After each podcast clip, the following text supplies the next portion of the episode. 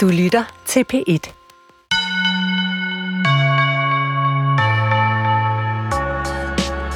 Kender du det med, at noget næger?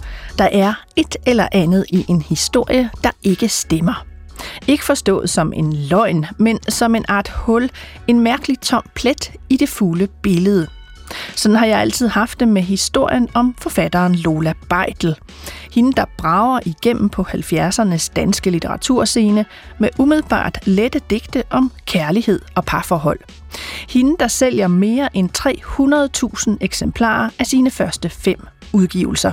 Hende, der bliver jordet af Michael Strunge i en famøs tv-udsendelse i 1984. Hun skriver fiduspoesi, siger han.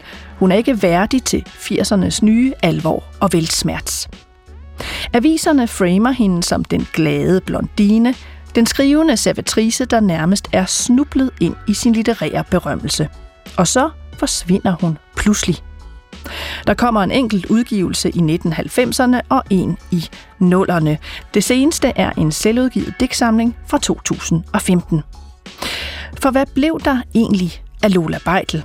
Var hun virkelig så glad og ubekymret, som bladene skrev dengang, og var det sammenstødet med Strunge og Parnasset, der gjorde, at hun ville væk fra søgelyset? Og frem for alt, var hun virkelig så uoplyst og banal, som hun blev gjort af medierne? I en tid, hvor 70'erne i den grad er kommet på mode igen, slår det mig, at Lola Beitel ikke er blevet hævet frem sammen med de andre. For eksempel Dea Trier Mørk og Vita Andersen. Hun er og bliver en slags historisk hemmelighed. Men hemmeligheder er til for at blive undersøgt. Og jeg kan allerede nu afsløre, at Lolas hemmeligheder går i retning af et sektagtigt kollektiv, hvor hun blev groomet af lederen, en korrespondence med en Nobelpristager, en god aften i byen med Michael Strunge og en habil portion mobning fra dele af det litterære etablissement i Danmark.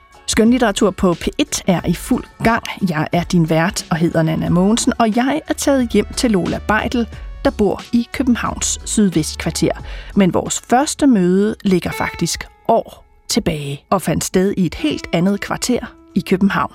Det var jo øh, det var fordi jeg havde en, synes jeg selv, rigtig skøn lejlighed på Vesterbro, og øh, hvor jeg havde boet med min datter i nogle år. Men da hun så flyttede hjemmefra, så var der ligesom ikke nogen grund til, at, at jeg boede i, i tre værelser og spiskøkken. Og, øh, og så tænkte jeg, at jeg nok kunne sælge den. og det kunne jeg så på cirka 13 minutter til dig øh, ja, jeg var hurtig til at sige, åh, oh, den vil jeg gerne købe. Og den ligger jo ret fantastisk inde på Vesterbro, helt op under tagene, og, og den er jo med udsigt øh, til Tove Ditlevsens baggård i virkeligheden. Yes. ja, der var, øh, indimellem var der ture, som ind i gården, og det, det, var, det var samme baggård, det er samme gård, ikke? Ja, det er som om det var skæbne bestemt. Forfatteren Lola Beidel boede i Tove Ditlevsens karré med hendes udsigt, og nu bor jeg i lejligheden med Lolas gamle udsigt. Litteraturen finder sit sted på tværs af tider, og nu skal vi faktisk længere tilbage i tid. Til før Lola Beidel debuterede med et brag i 1977 med digtsamlingen Kun noget levende. Vi skal til 1974, og Lola er 23. Jeg havde boet i et stykke tid i sådan et terapeutisk kollektiv. Øhm, Hvad er et terapeutisk kollektiv? Ja, yeah. det er nogenlunde lige så, lige så redselsfuldt, som det lyder. det er sådan... Øh, jamen, det var jo det, man gjorde dengang. Altså, det har været... Øh, 6, 75, ej, 74 eller sådan noget. Ikke? Øh, og så var det sådan øh, ja, nu i dag har man jo ord for det, det var grooming, gaslighting, øh, misbrug, øh, øh, og... Øh, altså i kollektivet? Ja.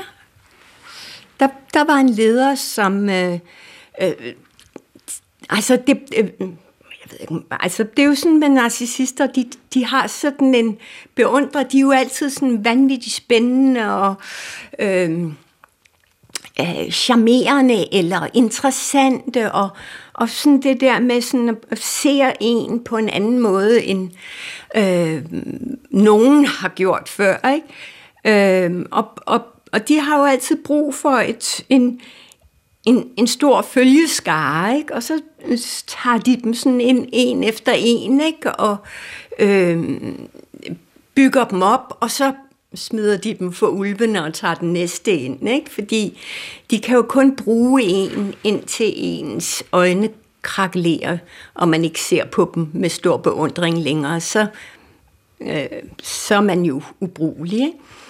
Ikke? Øh, og, øh, og det flyttede jeg fra, og, øh, øh, og, og for at overleve, øh, så skrev jeg.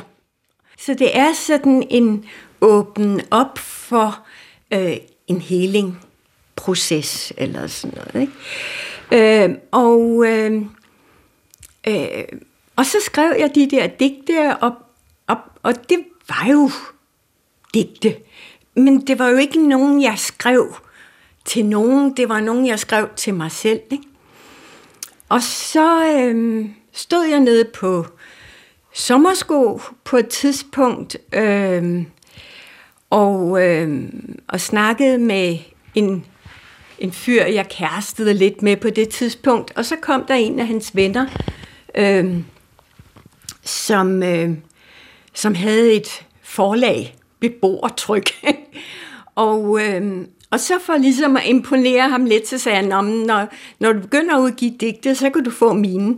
Og så sagde han, at han ville gerne læse dem, og så ringede han et par dage efter og sagde, at, at øh, eller det har han jo ikke kunne gøre, for jeg havde jo ikke nogen telefon. I don't know anything.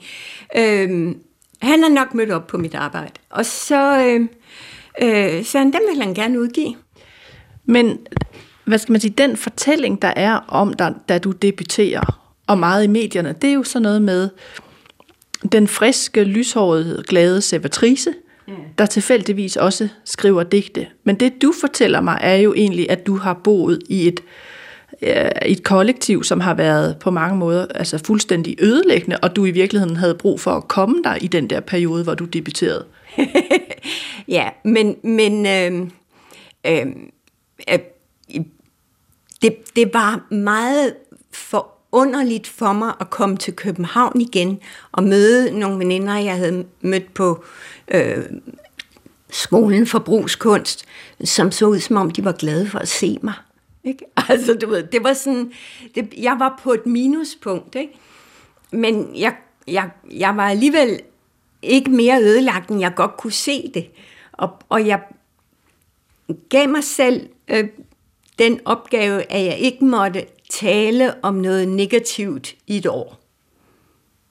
Altså, fordi det kunne jeg ikke tåle. Jeg kunne ikke begynde at græde, og jeg kunne ikke begynde ligesom at... Så, så øh, og det virkede. så det er det, digtene udspringer af i virkeligheden? Altså det der løfte om ikke at tale om noget negativt? Ja, det, det, var, jo, det var jo alt sammen facetter af det samme. Ikke? Altså digtene var jo en måde at, at, at, at udtrykke på, hvad jeg så. Men altså, øhm, altså, hvad søren skete der i det der kollektiv?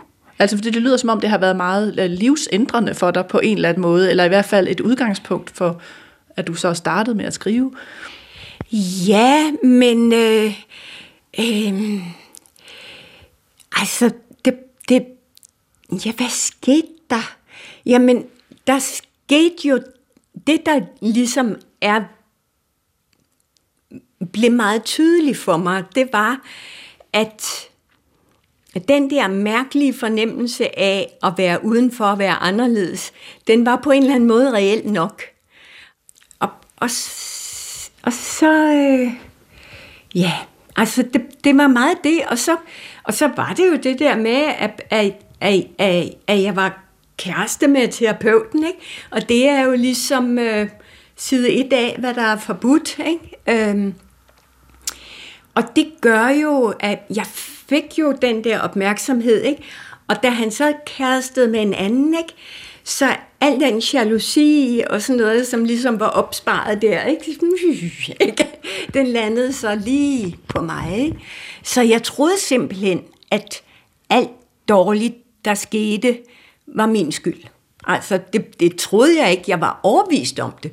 Jeg vidste, at det var sådan, ikke? Men da du så debuterer, og jeg synes, vi skal læse et, øh, nogle af digtene øh, fra, fra Kun noget levende i 77, der bliver du jo meget vel modtaget af, øh, altså af det litterære etablissement. Jeg har fundet nogle, nogle anmeldelser, blandt, blandt andet en af Paul Borum, som jeg bare lige vil læse lidt for dig af, som er meget positiv. Øh, den er fra 1977 fra øh, Ekstrabladet, øh, 1. december. Øh, den har øh, øh, titlen Hov, Øh, og den er meget kort, jeg kan bare læse den. Øh, ved siden af de officielle forlags udgivelser er der stadig en lindstrøm af undergrundsbøger herhjemme. Som anmelder får man de fleste og læser dem, men finder dem sjældent omtale værd. Men en eller to gange om året sker det alligevel, at man siger, hov, her er noget, der ligner talent.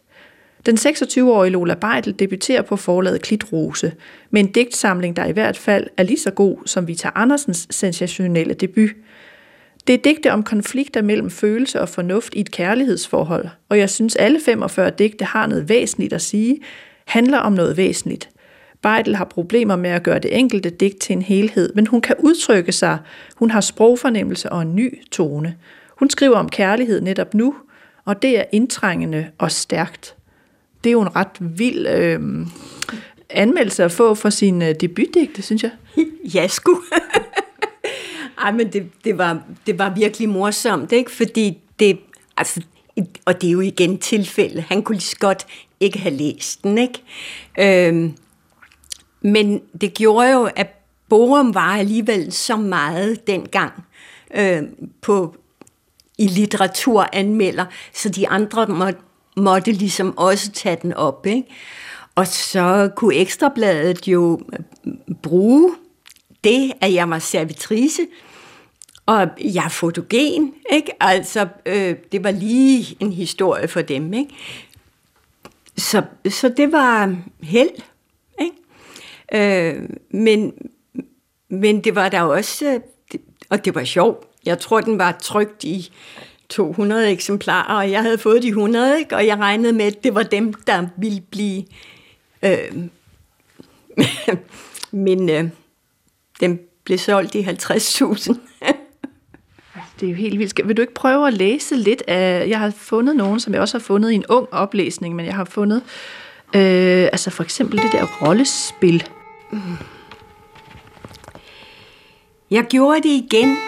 I et flot hovedspring og med et henrygt hyl smaskede jeg mig selv ud i højde med gulvbrædderne. Der lå jeg så ydmygt tækkende om din opmærksomhed. Jeg var der ikke værdig. Hvad ville du med mig? Da du strakte hånden ned, lod jeg først som om, jeg ikke vidste, det var Jeg gjorde mig. det igen. I et flot hovedspring og med et henrygt hyl, smaskede jeg mig selv ud i højde med gulvbrædderne. Der lå jeg så, ydmygt tækkende om din opmærksomhed. Jeg var der ikke værdig. Hvad ville du med mig? Da du strakte hånden ned, lod jeg først, som om jeg ikke vidste, det var til mig. Så var tonen angivet, men vi var to om at grave graven. Så jeg ikke, at spillet var det samme, kun rollebesætningen en anden? Forsvarede jeg det ikke selv, når de råbte fra galleriet? Så jeg har ingen ret til at beklage mig. Ingen ret til at hade, fordi du levede rollen. Så jeg har ingen ret til at beklage mig. Ingen ret til at hade, fordi du levede rollen. Altså nu, når du har fortalt det der om kollektivet, der ikke var særlig rart, så kan jeg ikke lade være at tænke på, om, om, om, det, om der også er lidt referencer der, eller hvad? hvad? Det, det her er jo, det her er, den her digtsamling er jo den, meget stor del af den er jo de digte om, om den periode, ikke? Så jo, det er der der. Hvordan er det at læse, øh, læse fra den igen? Æh, Jamen, det er faktisk meget sjovt. Jeg har lige haft den oppe, fordi jeg har talt med en min lærling om den, ikke? Altså, og så læste jeg nogle, nogle af dem igen, og det gør jeg jo ikke særlig tit, vel? Men, men, øh, men jeg tænkte, der, der er ikke... der er ikke... Øh, det er godt nok. Det holder. Det beskriver, hvad jeg ønskede at beskrive, og, øh, og, og, det holder sig på sporet, ikke? Altså, det falder ikke til nogen af siderne. Det var det, jeg gerne ville udtrykke, og det har jeg udtrykt, ikke? Og nu siger du lærling, ved jeg hurtigt mærke i. Hvad, hvad er det for en lærling? En bogholder lærling. Så det er ikke en forfatterspiger, du har som lærling? Nej, nej, nej, nej. Det er en bogføring. Det er en, jeg har mødt i et job, jeg havde her for nylig, som en yngre mand, som, hvor vi bare havde en fest med, og, med regnark og bogføring. og, øh, og, og hvis man... Øh, hvis man ikke øh, synes, det er sjovt, så forstår man det ikke. Men vi har det virkelig sjovt med det, altså. Når Lola Beitel taler om bogføring, så er det fordi, hun har arbejdet som bogholder siden 1991. Hendes firma hedder Secrets Service, altså Secrets som i navnet Secret. Og så er det selvfølgelig et ordspil på det engelske Secret Service. Og så er vi tilbage ved hemmelighederne, for hvor er alle pengene blevet af? Hvis Lola Beidel har solgt mere end 300.000 eksemplarer af sine første fem udgivelser, burde hun ikke bo i en toværelses i Sydhavnen, men i noget langt mere fancy, for eksempel på Frederiksberg. Men hun bliver aldrig rig dengang i 70'erne og start 80'erne, fortæller hun mig. Det er nemlig vigtigt for hende, at dæksamlingerne, der udgives på den tid, ikke må koste mere end en buket blomster til ca. 25 kroner. De skal fungere som nemme hvert indegaver. En dæksamling, man lige hiver op af tasken og giver som en slags tak fordi du vil se mig. Og sådan er Lola Beitel særlig. Hun har sine egne idéer om, hvordan tingene skal gøres, og hvilken vej hun vil gå ideologisk. Måske derfor lader hun sig ikke bare falde ind i rødstrømpernes åbne arme i de år, hun begynder at skrive. Og det bliver også bemærket i forbindelse med debuten. Året er 1977. Lola er i studiet hos Danmarks Radio. Lola, i din bog, der saler du ikke ligefrem rødstrømpernes sag, men der er en hel masse om kønsroller. Hvordan forholder du dig til dem? Øh, jeg ved ikke, om man kan sige, at jeg ikke taler rødstrømmernes sag. Altså, jeg taler jo heller ikke imod dem, men øh, jeg ser nok på det på den måde, at øh, jeg synes, rødstrømperne er godt for mange ting. Ikke? De er meget gode til at være med til at skabe en bevidsthed hos mange piger om, hvad der har gjort, at de er, som de er. Ikke? Og øh, at det er et produkt af miljø og opdragelse og samfund, og, og det, at de er piger. Ikke? Men øh, så synes jeg altså tit, at, at rødstrømperne ligesom taber et eller andet på gulvet der. Fordi jeg synes, jeg ved ikke, om jeg selv kan leve efter det, vel, men jeg gør de her de forsøg indimellem, på ligesom selv at tage ansvaret for min tilværelse. Ikke? Og, øh, og godt, altså i stedet for hele tiden at skyde skylden på de ting, som er sket, og som nu engang ikke kan ændres, så ligesom tage det som udgangspunkt og bevæge sig videre derfra. Ikke? I stedet for hele tiden at gå og sige, jamen med den opdragelse, jeg har fået, ikke, og den skolegang, jeg havde, så kan det jo ikke blive bedre. Ja, hvordan var det at høre en, en 6-27-årig Lola forholde sig til rødstrømperne? mm. Ja, øh, øh, det er lidt sjovt, fordi øh, øh, jeg var jo på Femølejr. Øh, jeg tror, det var andet år. det synes jeg ikke var sjovt. Øhm, igen fordi, at... øhm, at det var jo også en løgn, ikke? Altså det der med sådan, jamen vi er kun kvinder, og derfor elsker vi alle sammen hinanden. Jeg var afsted sammen med nogle andre kvinder, som havde deres børn med, så vi boede i telt sammen. Og jeg tror ikke engang, der gik 24 timer, så var der sådan en grøft ned igennem hele lejren der, med dem, der havde børn, og dem, der ikke havde børn. Ikke? Og der var sådan nogle ting, man, det, det var sådan så politisk korrekt, ikke? Altså, og og, der var nogle ting, jeg ikke havde, altså, nej, det, det var omklamrende, og det var sådan et forsøg på at, at, at presse et eller andet ned over mig, synes jeg, som jeg slet ikke havde lyst til, ikke? Øhm, og så var jeg på et tidspunkt var jeg inde i øh, øh, kvindehuset, og jeg følte jeg mig bestemt ikke velkommen. Jeg havde mascara på. altså. øh, det, jeg bare, det, nej, der passede jeg heller ikke ind. Vel, altså, øh, jeg havde, på det tidspunkt havde jeg boet i Paris et par år alene, ikke? Og altså, det, det var sådan den der, nej, jeg, jeg ved ikke lige, hvad det var, men, men øh, altså, øh, det skal jo også være sjov, og det skal også være øh, glad. Og, altså, jeg vil have det sjovt. Her runder vi et andet emne, der ikke står noget om i datidens interviews med Lola Beidel. Ikke at hun vil have det sjovt, det har hun altid været åben om. Og heller ikke at hun har boet et par år i Paris, det er ingen hemmelighed. Til gengæld ved de færreste, at hun faktisk var og er en ivrig læser af fransk litteratur. På fransk, vil jeg mærke. Jamen, jeg var så heldig at starte med François Sagan, fordi hun skrev, heldig fordi hun skriver et let forståeligt fransk. Og så skrev hun jo om en, at han havde læst for meget øh, Baudelaire og for lidt Stendhal. Og så tænkte jeg, hvem er det? Så måtte man jo videre. Og, øh, og så læste jeg André Gide, som jeg øh, forelskede mig totalt i. Øh, og, øh, og, og så kørte det sådan videre. Øh, Solar, øh, Balzac har jeg ikke læst særlig meget, men Solar og Baudelaire og øh, André Gide og øh, Stendhal meget. Øh.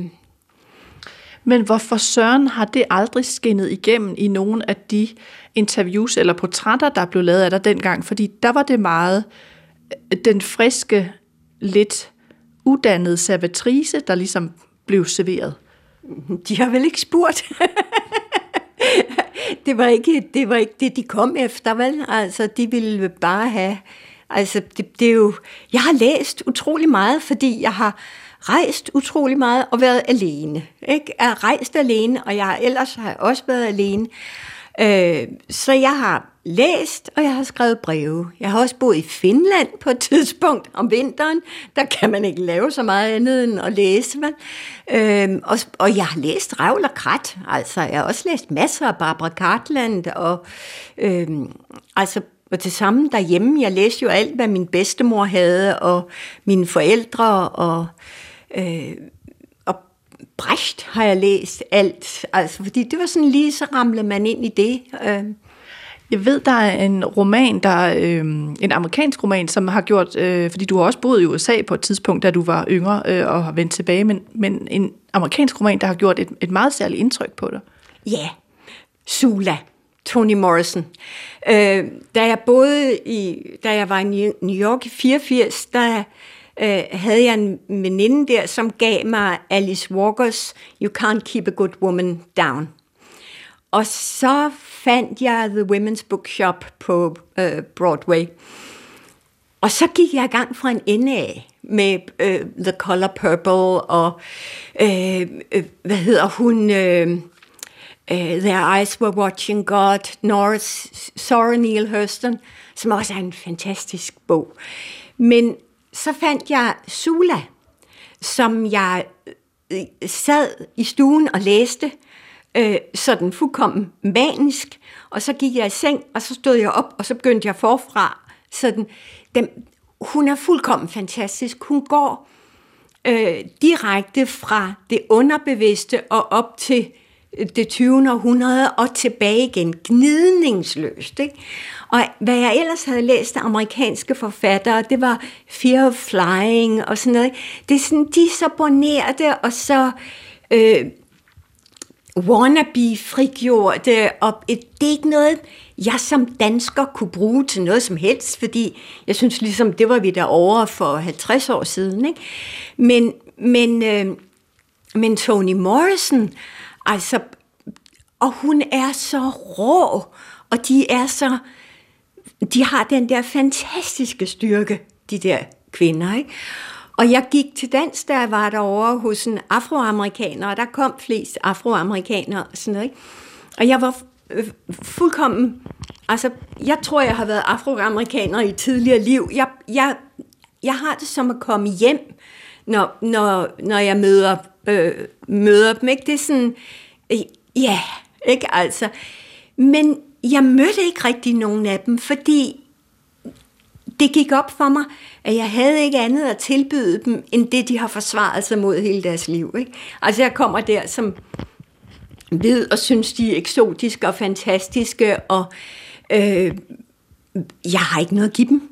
Altså, øh, og så det ville være øh, overgreb, eller jeg ville ikke være velkommen. Jeg følte mig ikke...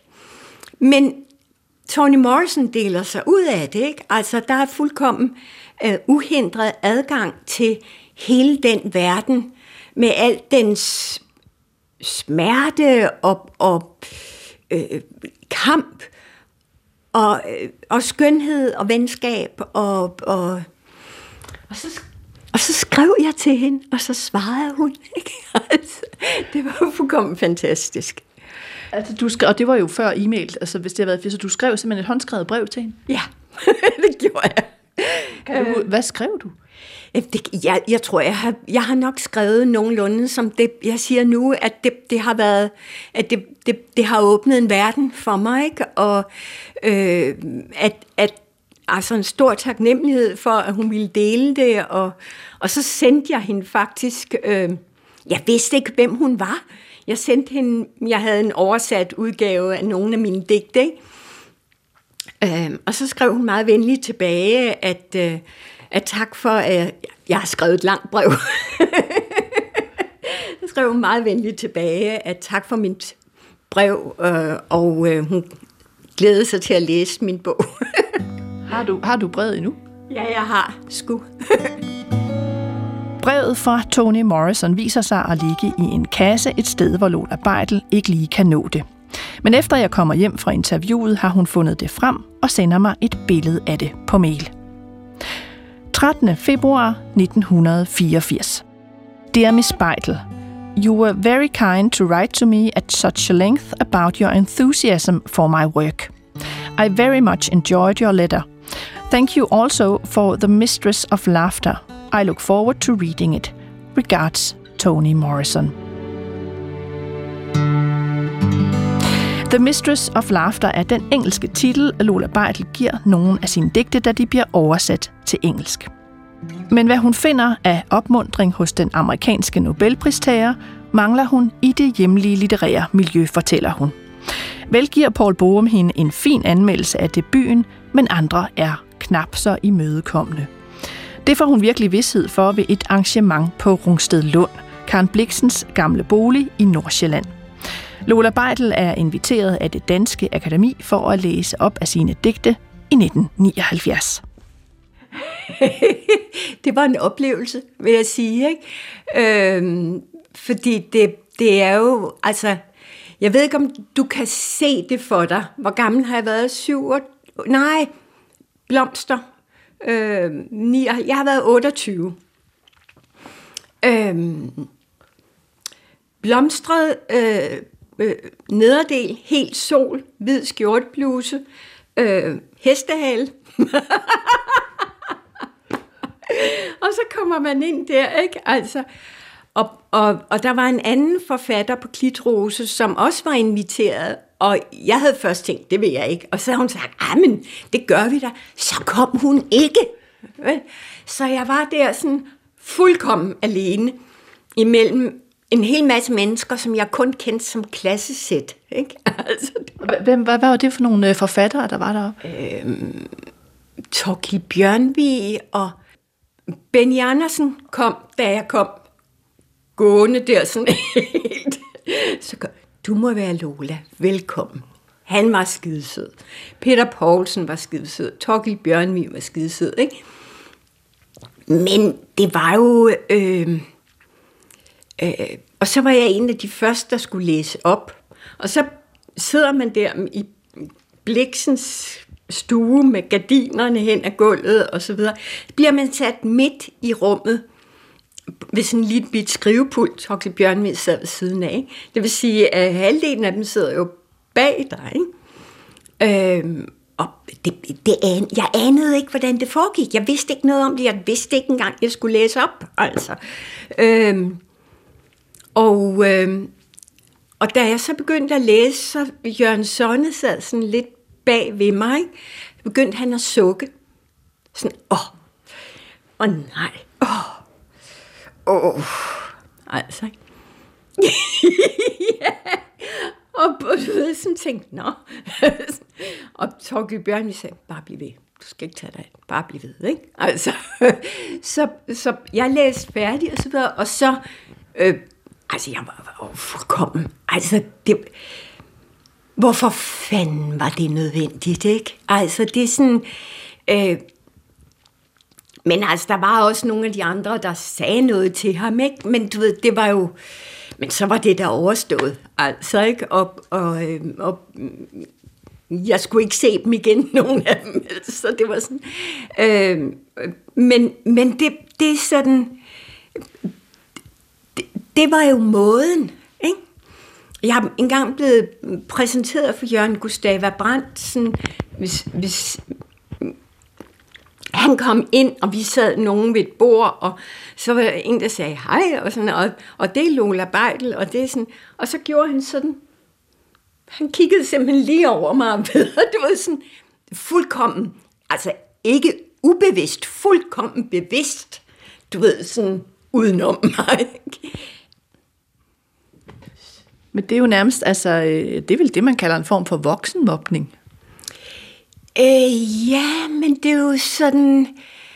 Øh, igen, altså, min, det, det, det er jo ligegyldigt for mig, fordi jeg, jeg kendte dem ikke. Jeg vidste ikke engang, hvad det var, jeg gik glip af ved ikke at få deres anerkendelse. Vel? Men, men det er sådan, hvorfor er det nødvendigt? Altså, hvad, hvad, hvad er det, hvor, hvor er deres usikkerhed i det der med ikke at, at fuldkommen, altså mangle den der generøsitet, ikke? som sådan en som Benny Andersen og Peter Poulsen havde, og Elsa Græst skulle også, ikke? Øh, som bare sådan ligesom, jamen, jeg kan da godt se, at, at hun er ung, og, og hun vil et eller andet, og lad hende da prøve. Ikke? Men det var som om, at der var de der 10 af 4 akt deling øh, om året, og hvis jeg tog et af dem, så havde jeg taget noget fra de andre. Ikke? Øh, og det, det var jo også Altså, jeg ved ikke, hvor mange af mine læsere, som har sagt til mig, når jeg har været ude og læse op, jamen, før jeg læste dine digte, så læste jeg ikke digte, vel? Men, men nu er jeg jo gået i gang med, og så videre, og så videre, og så videre, ikke? Øh, så i virkeligheden har jeg gjort det min tjeneste, ikke? Øh, det, det er jo... Men, men hvorfor er det sådan? Det er muligt, at der er nogle forfattere, der ikke gider hilse på Lola Beidel. Til gengæld vil medierne rigtig gerne tale med hende, og helst med fokus på et særligt emne, hendes forbrug af mænd, eller det man forestiller sig er hendes forbrug. Her er det et klip fra en tv-udsendelse fra midt-80'erne. Jørgen Thorgård interviewer, og temaet er tryghed kontra utryghed i hverdagen. Ja, Lola Beidel, øh, tryghed handler jo i høj grad om kærlighed, om følelser. Og i digte, du har skrevet, i interviews, du har givet, der forstår man, at du giver afkald på de øhm, faste samlivsformer, som i hvert fald giver mange mennesker tryghed. Hvorfor gør du det? Ja, jeg giver afkald på, giver afkald på. Øh, det kræver jo ligesom, at man får dem tilbudt først, ikke? Ja, det øh, jeg, jeg, jeg har bare hele tiden valgt fra, altså gjort nogle andre ting, ikke? Øh, jeg har rejst, og så kommer man hjem, og så er de alle sammen gift og mm. øh, har fået uddannelse og så videre, og det ved jeg ikke rigtigt. Så er jeg kommet til at bo i et miljø.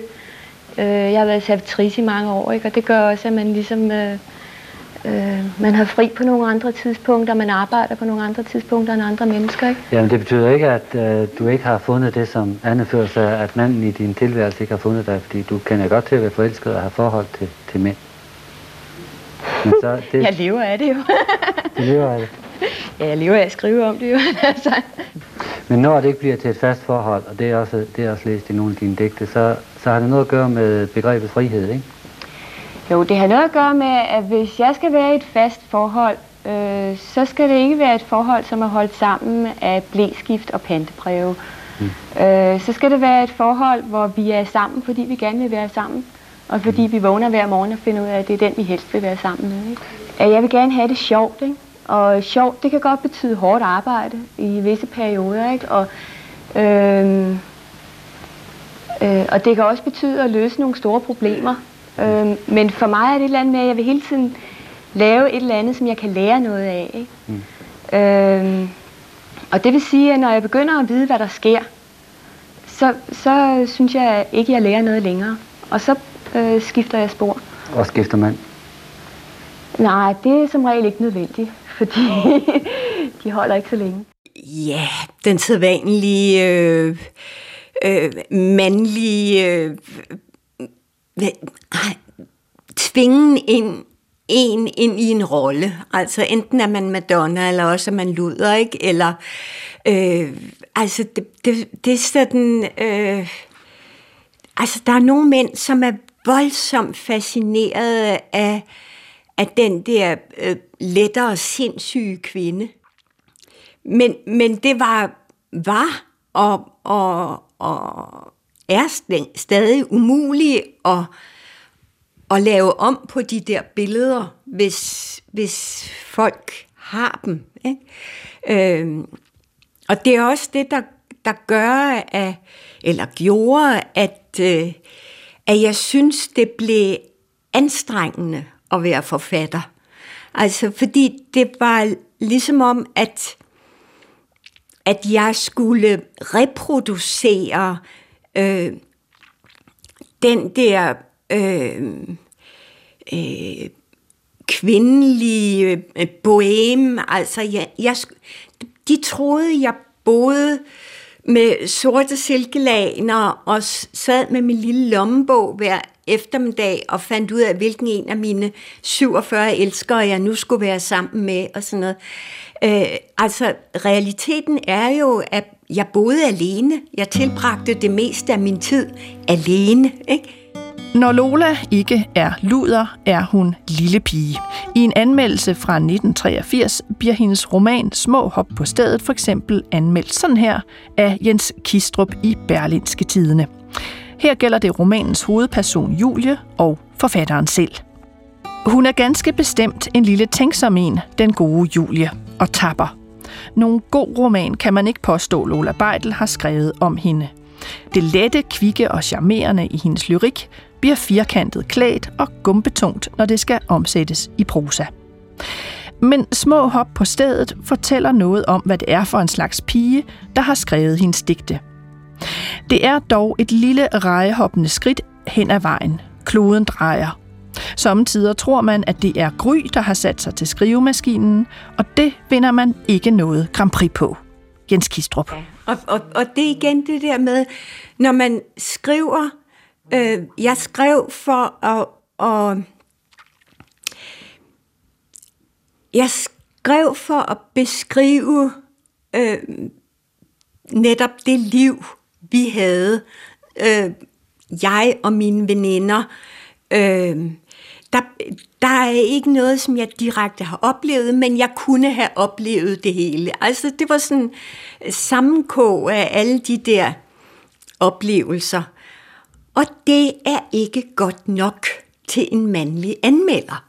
Altså, det, det skulle have været noget andet. Det, jeg kan godt huske den anmeldelse, ikke?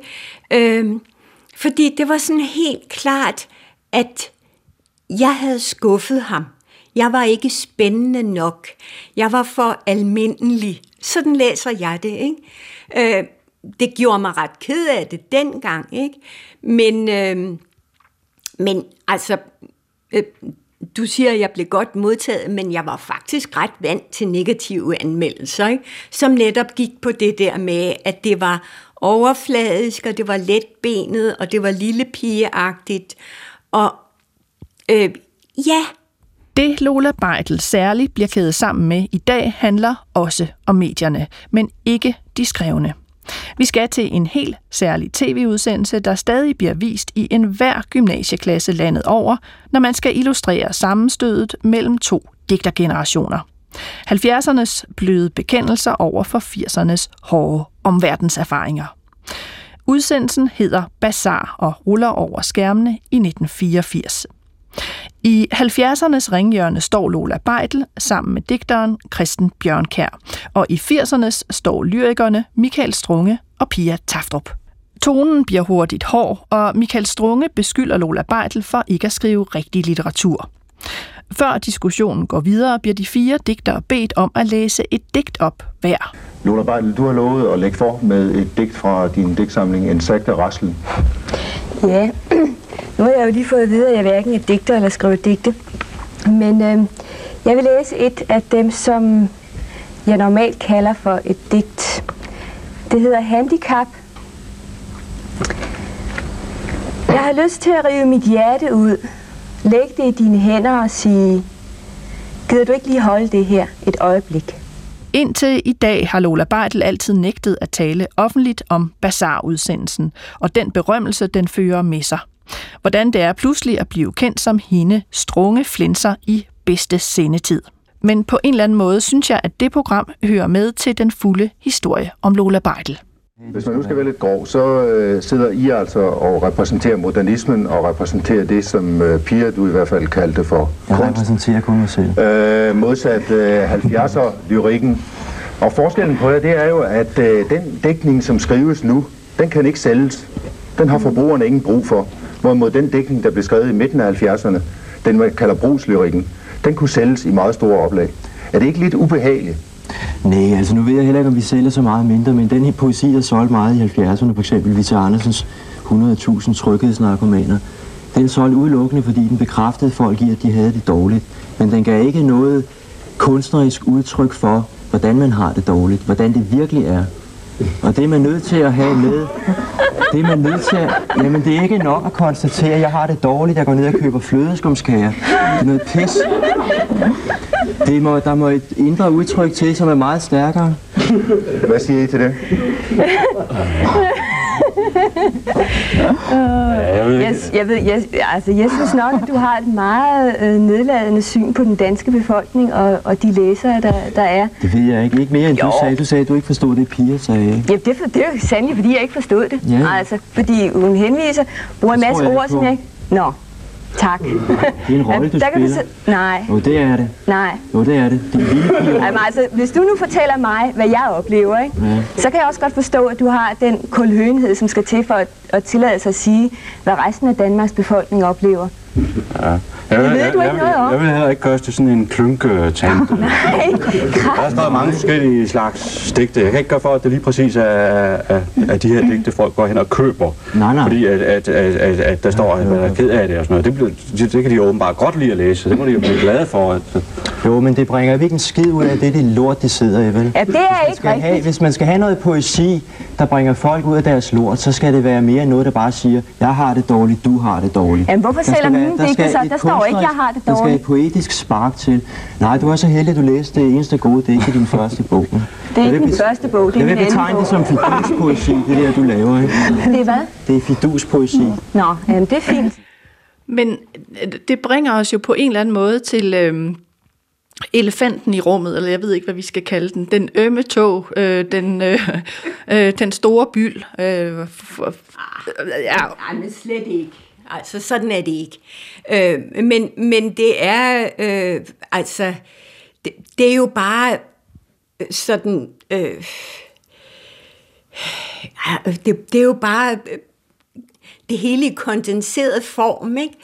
Det, det er øh, den udsendelse med, med Pia Taftrup øh, og, og Michael Strunge, og sådan, som er alt det, jeg synes er kedeligt ved tv, ikke? Og som alle øh, på tv dengang synes, det var virkelig godt fjernsyn, ikke?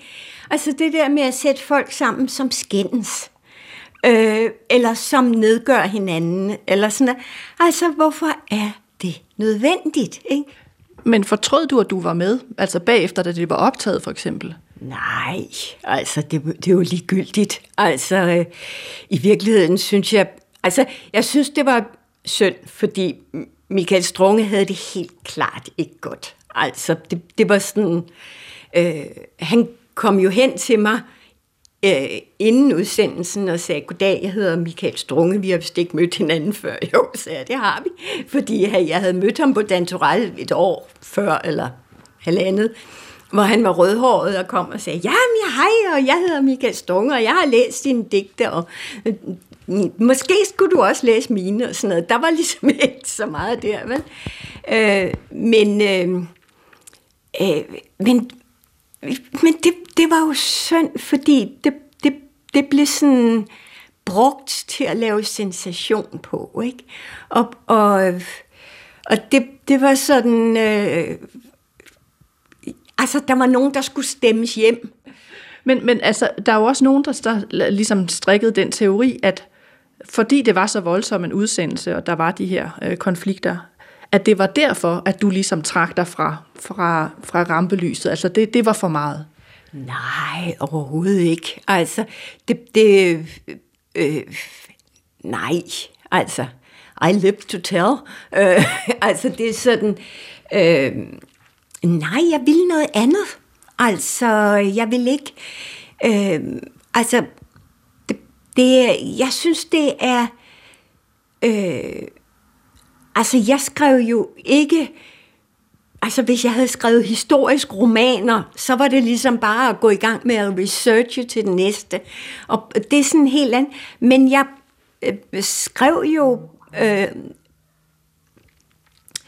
øh, altså, jeg skrev jo, når jeg havde brug for det, ikke? Og når der var noget, jeg skulle finde ud af, og sådan.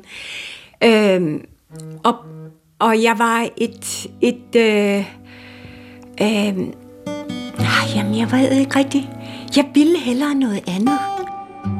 I 2001 udgiver Lola Beidel romanen Som sendt fra himlen, og i 2015 udgiver hun digtsamlingen uden videre på sit eget forlag, Forlag Beidel. Så hvad er forbindelsen mellem de allertidligste digte og så digtene fra uden videre? Ja, det er jo mig, der har skrevet dem.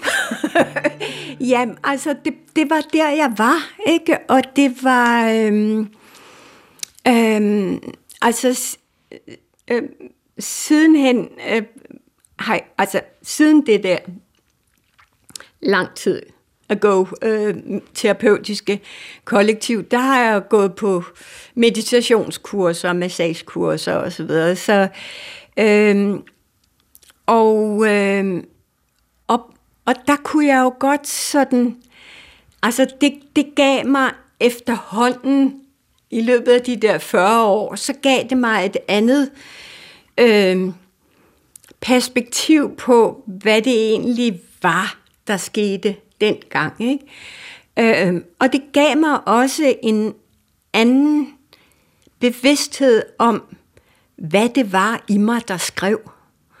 Øh, og det der er der jo stadigvæk. Jeg skriver jo hele tiden, ikke? Altså, så det var jo så det var for mig meget det der med at beskrive min hverdag og, og se på min datter og hvad der sker i hendes liv. Og, øh, og, og det synes jeg er interessant.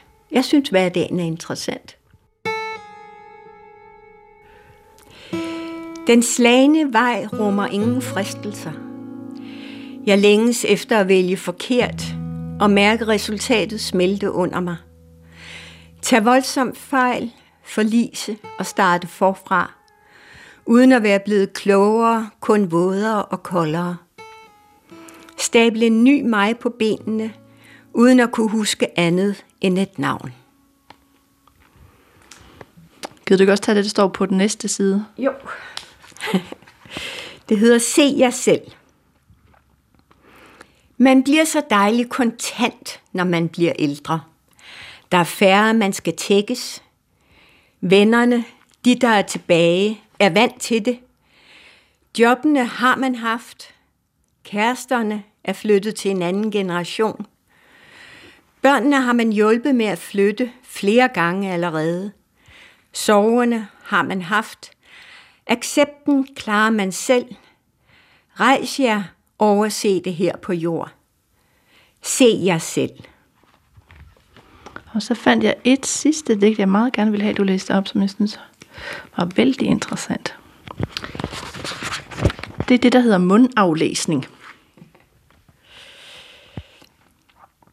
Tro ikke på min fortælling om mig selv. Den er kun det, en fortælling. Lyt til mine ord. Lad mig tale, søge at forklare. Når jeg endelig tiger, er det det, jeg ikke siger, jeg ønsker at fortælle. Lad mig hænge sprællende i summen af pauserne. Stol på min styrke til at være i smerten. Vær i den med mig, men gør den ikke til din. Det er faktisk skide godt digt. det har jeg ikke læst længe. Jeg kommer til at tænke på det, der jo rent faktisk står, at det, øh, man ikke siger det, man ønsker at fortælle. Ja. Og man ikke skal tro på en, øh, den umiddelbare fortælling, man, man har om sig selv. Øhm, og nu har vi jo talt meget, men, men øh, et lidt paradoxalt spørgsmål. Hvad er det så, du ikke siger? Øh, ja. Øh, men, men det, jeg ikke siger, det, det, det, det svarer lidt til det, til, til det der, jeg siger med, med, når jeg opfordrer folk til at skrive, at når man har skrevet det hele ned og bliver ved med at skrive, så kommer der pludselig det, man ikke har sagt før. Ikke? Så sidder man sammen med en veninde og har talt og talt og talt, og så kommer den der øh, forståelse eller erkendelse, som meget ofte kan være en tavs kommunikation, ikke? men som man har, man har lavet rummet til den ved at, at, at, at fore det med ord. Ikke? Men er der noget for eksempel i den samtale, vi så har, har haft nu her med klip og anmeldelser og, og, og digte, som gør dig opmærksom på nogle, nogle nye ting omkring hele din digteriske debut og, hele dit forfatterskab? Altså er der nogle, nogle andre ting, der går op for dig, når vi sådan vender det? Ja, det synes jeg, der er. Altså, øh, øh, altså jeg, jeg kunne ikke huske mit forhold til rødstrømperne, for eksempel.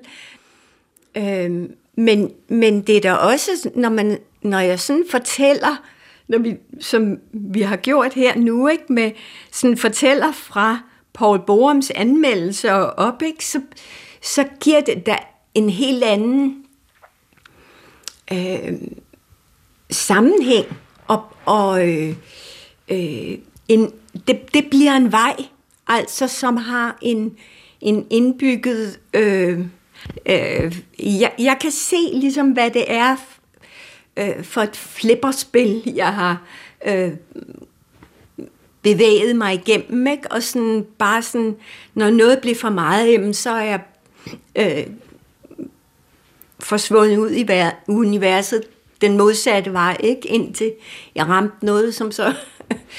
øh, men jeg er jo også, hvad skal man sige, gået ind i det her interview også, og, og til portrættet der dig, også med en form for undren, fordi 70'erne og hele, øh, alt hvad det indebærer, er, er jo enormt meget på mode nu. Altså, øh, øh, Vita Andersens ting øh, blev genoptrykt, og hun nåede at få noget hæder, inden, inden hun døde. Ikke? Susanne Brygger har været på banen hele tiden. Christen Bjørnkærs ting blev genoptrykt. Øh, det er Tria Mørks romaner er blevet genoptrykt, og hun har haft udstilling på, øh, på Luciana. Ikke? Så der har været hele den her revival og, og af 70'er-digtere. Øhm, men jeg kan, ikke, jeg kan ikke se dig i det. Altså, dine ting er ikke blevet på samme måde hævet frem. Og det, og der tænker jeg, har du selv en forklaring på det? Altså igen? Ja, jeg ved det ikke. Altså, det, nej, det, det er igen det der med at skulle øh, fortælle, hvorfor noget ikke sker. Det, det, øh, det er lige så svært som hvorfor det sker, ikke? Men hvad, hvad, altså, hvad, hvor er den litterære fremtid for Lola Beidel? Altså, hvor er den? Altså, nu er det her den seneste øh, digtsamling, du har lavet uden videre. Hvor øh, går du hen herfra? Jamen, jeg skriver stadigvæk digte. Altså indimellem, og, og altså ikke digte noter. Jeg skriver. Altså, når, når der er noget, jeg ikke kan finde ud af, så skriver jeg.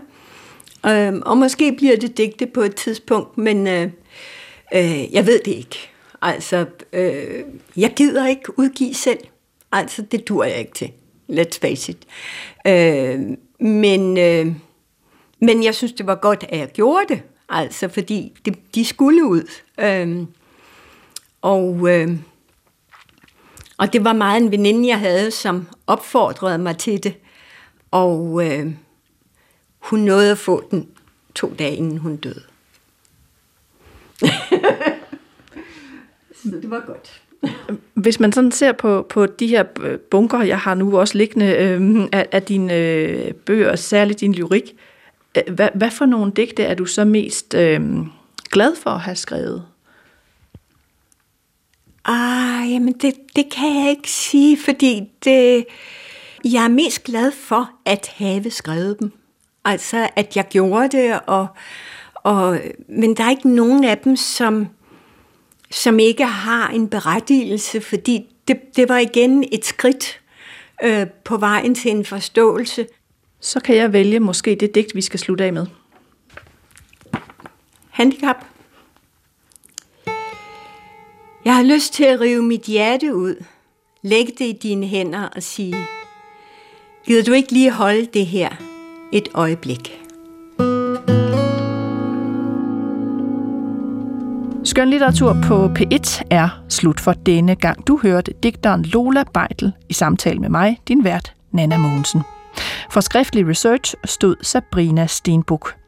Husk, at du altid kan skrive til mig på litteratursnablag.dr.dk litteratursnablag.dr.dk Jeg er tilbage i næste uge med mere litteraturstof. Vi høres ved.